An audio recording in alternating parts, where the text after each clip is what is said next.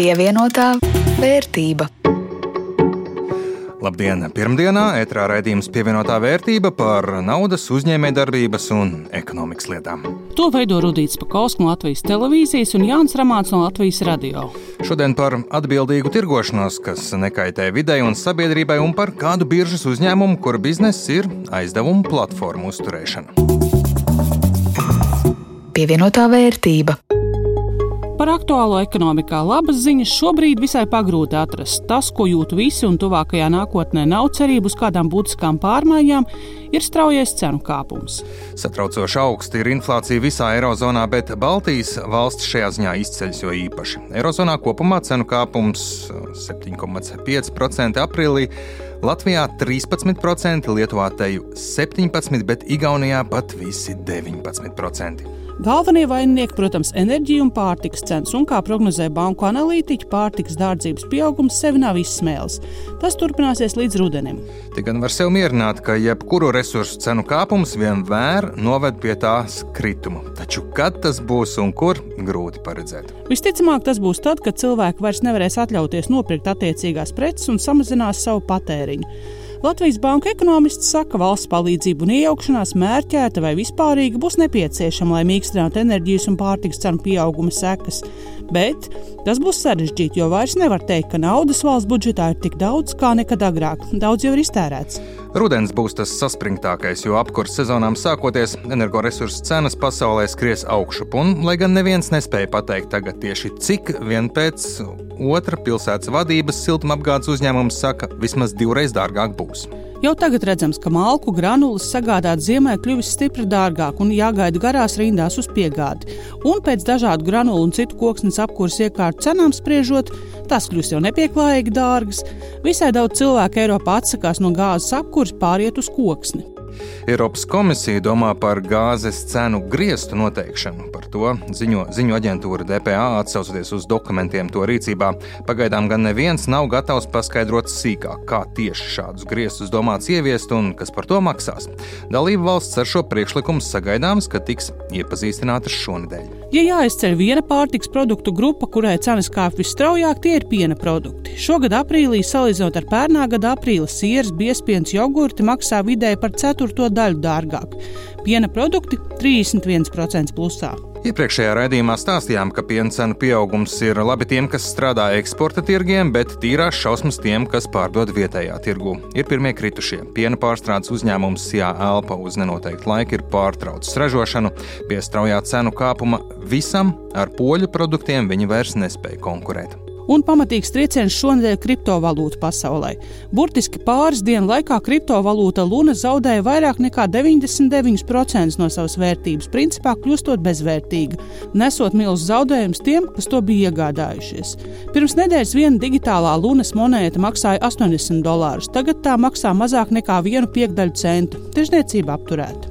Luna bija viena no desmit iecienītākajām kriptovalūtām, turklāt uzskatīta par gana drošu, jo sasaistīta ar tā dēvēto stabilo kriptovalūtu Terra USD.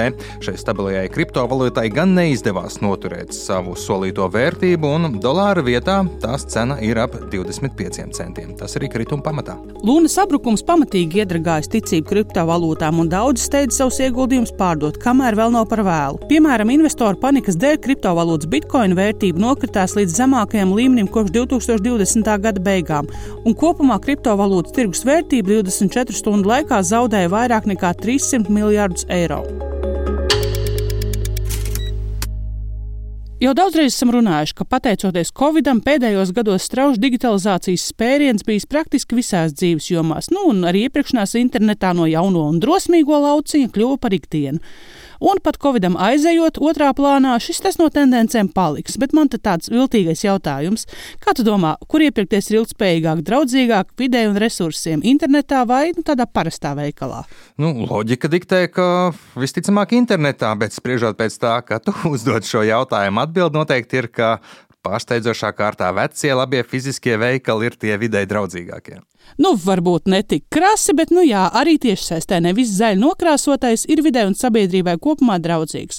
Klasiski uzmanību pievēršam pašam produktam, iepakojumam, piegādē. Pašam produktam uzmanību pievērš daudz patērētāju, savukārt piegādes ķēdes parasti rada galvas sāpes tirgotājiem. Arī virtuālajiem tirgum svaigi LV. Diskusijā par ilgspējīgu iepirkšanos internetā stāsta virtuālā tirgus vadītāja Elīna Novada. Šobrīd vēl nav centralizēta tāds veids, kā no saimniecībām līdz mūsu noliktavai Rīgā dabūt produktus. To saimnieki ved piegādes veids paši.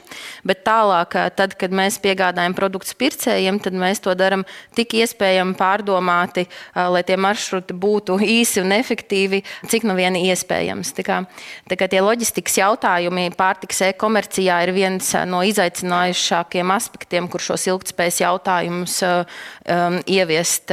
Tā kā, tā kā tur, ir, tur ir noteikti vēl darbs, ko darīt.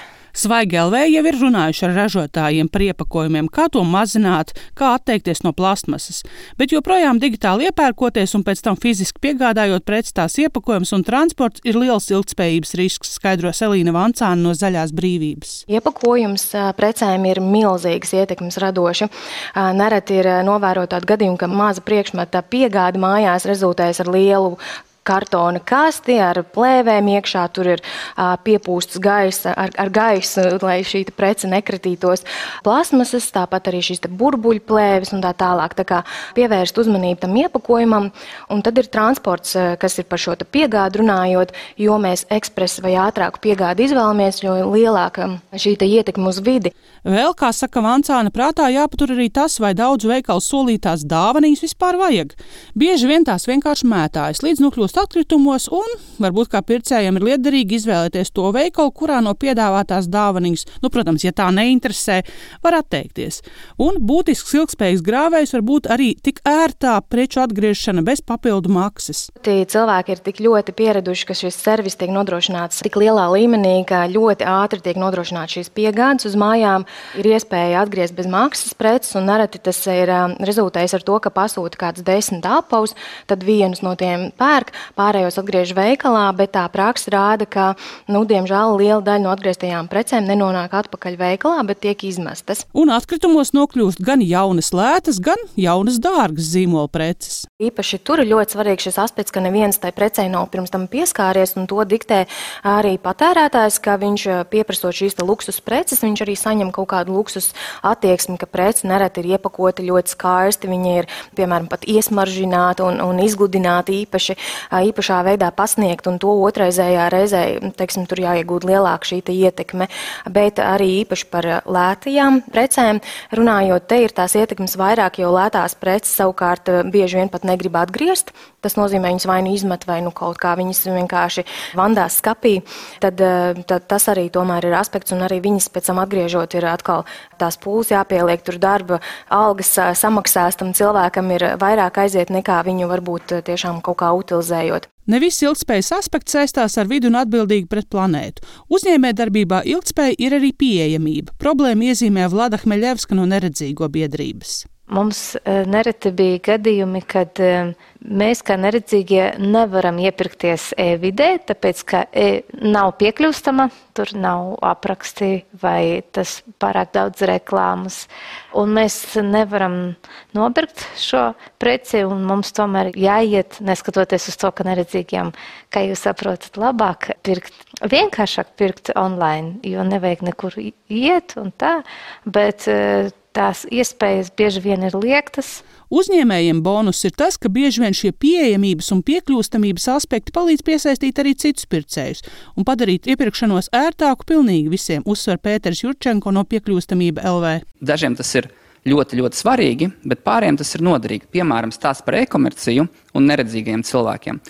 Viņiem būs tā, ka, ja kaut kādu adresi būs grūti izvēlēties, vai izliks kaut kāds reklāmas banneris, kuru nav iespējams aizvērt ar escape taustiņu vai ērti atrast to aizvēršanas pogu, viņiem principā tas varētu būt nepārvarams šķērslis, ka viņi vienkārši netiek tālāk pie nākamā soļa vai piegādes adreses izvēlē nevar ievadīt adresi tā, ka viņu nolasa ekrāna lasītājs. Pārējiem cilvēkiem tā būs nērtība. Viņi tur pabakstīsies, kādam sanāks, kādam nesanāks, bet ko tas nozīmēs e-komercijai, būs tas atbirums. Nu, tie, kas bakstās un viņiem nesanāk, viņiem ir atbirums, Un uzlabojot šo, kas sanāk visiem, tu principā palielini peļņu, palielini savus nu, pirkumu skaitu, un tas ir svarīgi. Tas no tirgotāja puses raugoties, bet no patērētāja puses mēs katrs ar saviem eiro balsojam par to, kas mums ir svarīgi. Un arī mūsu rīcība var mazliet pamainīt pasauli. Pirmais - mazināt iespēju, ka smukais spožais mārketings mūs pavadinās pirkt to, ko mums nevajag, groziņā ielikt vairāk nekā varēsim apēst. Elīna Novada no Svaigelvē saka, viņas padoms ir vienkārši mazāk sev dot iespēju krist kārdinājumā. Jo retāk mums ir jāpieņem lēmums par produktiem, ko pirkt no plaukta, jo mazāk iespēja, ka mēs varētu kaut kur emocionāli iespējams vai nezinot kļūdīties pievienotā vērtība. Baltijas biržā aizdvītā nedēļa negatīvās tendencēs. Kritums gan Tallinā, gan Viļņā, gan Rīgā. Lielākie mīnus Tallinai - mīnus 2%, Viļņā - mīnus 0,34%, mazākais kritums Rīgai - tur 0,28% kritums. Arī manā portfelī salīdzinot ar iepriekšējo nedēļu kritums. Šobrīd portfeļa vērtība ir 389 eiro un daži centi. Lielākie mīnus Hansa matriks akcijām, kritums arī virši A un Telija Lietuva.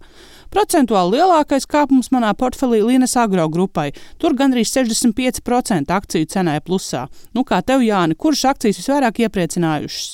Man būtisku pārmaiņu aizdītā nedēļa nenes mazliet 4 eiro nograustinos no kopējā portfeļa vērtības, bet joprojām turos. No 300 eiro 456 eiro ir kopumā izauguši, bet Šobrīd jāatzīst, ir tā, ka grūti saprast, kurš būtu labs lēmums, kurš nē, jo viss var pārāk strauji mainīties gan pozitīvā, gan negatīvā virzienā. Bet, nu, kā ierasts, palūkosimies, kā veids kādam no biržā kotētajiem uzņēmumiem. Šajā reizē Lietuvas finanšu tehnoloģiju uzņēmums Neofinans, kas administrē savstarpējo aizdevumu platformu. Linda Zalāns skaidro, vai šis ir īstais brīdis iegādāties uzņēmuma akcijas. Lietuvas uzņēmums Neofinance administrē savstarpējo aizdevumu platformu, kur cilvēki var aizdot viens otram. Uzņēmums piedāvā Eiropas Savienības un Eiropas ekonomikas zonas valstu pilsoņiem ieguldīt Lietuvas patēriņa kredītos. Šī pat laban ir lielākā šāda veida platforma Lietuvā. Neofinance nodrošina arī e-nūrēķinu jeb maksājumu inicēšanas pakalpojumu e-veikaliem ar nosaukumu Neopay, un pašlaik šī ir visstraujāk augoša ilgstošā uzņēmuma darbību. Ieguldījuma eksperts Invilu pensiju fondu valdes priekšsēdētājs Andrēs Martīnos stāsta, ka Neofinance ir finanšu tehnoloģiju nozares pārstāvis, kas konkurē ar klasiskajiem finanšu pakalpojumu sniedzējiem, proti bankām. No vienas puses tā nozare ir jau pierādījusi to, ka no viņa var eksistēt un pat labi konkurēt un piedāvāt vai dažādot finanšu pakalpojumus un apkalpot tos klientus un tādos veidos, kā to nevar nodrošināt bankas.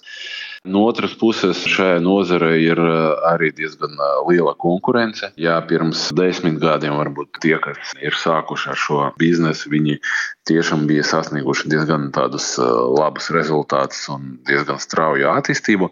Nu, tagad es teiktu, ka tas tirgus ir piesatināts un arī konkurence ir liela, un arī tie attīstības tempi ir nu, drusku samazinājušies. Neofinance ir pioniera Lietuvas savstarpējo jeb peer-to-peer -peer aizdevumu tirgu un ir viens no lielākajiem šīs nišas uzņēmumiem savā mītnes valstī.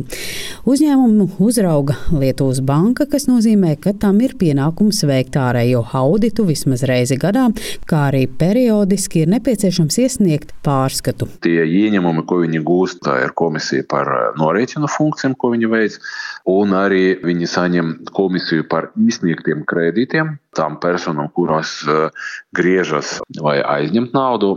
Un par no procentu maksājumiem, ko veic šie aizņēmēji. Principā kopā viņam ir nu, jau gan arī 14,000 klienti. Investori, es domāju, tie, kuri ir sainvestējuši, kas nav maz, protams, ne visi ir aktīvi. Daļa to dara epizodiski, varbūt vienu reizi un tā tālāk. Bet, jebkurā gadījumā, tas ir labs apjoms, un viņi jau ir izsnieguši pāri pa 100 miljoniem aizdevumu. Un kopā tas jau ir kādi 16, 17 tūkstoši aizdevuma gadījumi vai līgumi. Andrejs Martīnos spriež, ka apstākļos, kad procentu likmes pieaug, tad pieprasījums pēc procentu ienākumiem no investoru puses arī sāk pieaugt. Ņemot vērā, ka alternatīvā aizdevumu izsniegšana daudzās valstīs ir regulēta, ienākuma procents, ko var gūt, ir ierobežots. Nu, tad no vienas puses apstākļos, kad ekonomika sabremzēs un varbūt daudzie cilvēki, viņam ir nepieciešams finansējums vai papildus līdzekļi. No, no vienas puses tas uzlabos šī biznesa potenciālu, bet no otras puses skaidrs, ka apstākļos, kad ekonomika neattīstās, procentu likmes kāpj un arī to nesamaksātu vai neatgrieztu aizdevumu skaits palielinās, tad nu, šādos apstākļos arī tādā neviennozīmīgi priekš šīs biznesa nišas, tādi neviennozīmīgi laiki.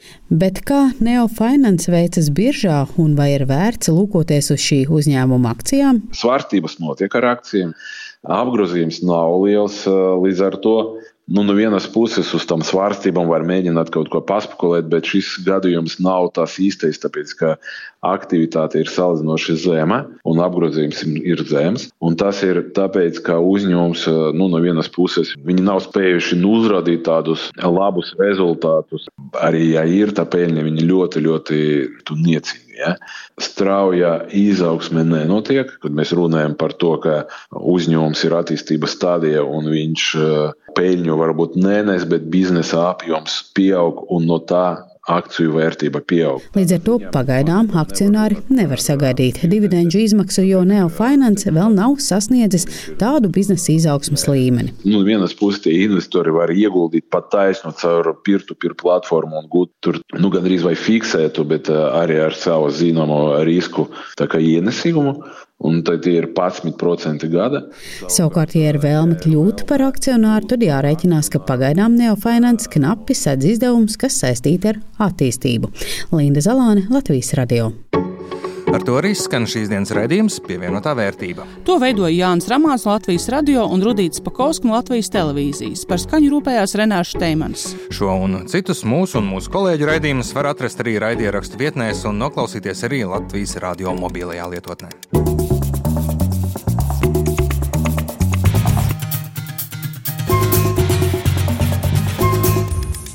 Pievienotā vērtība.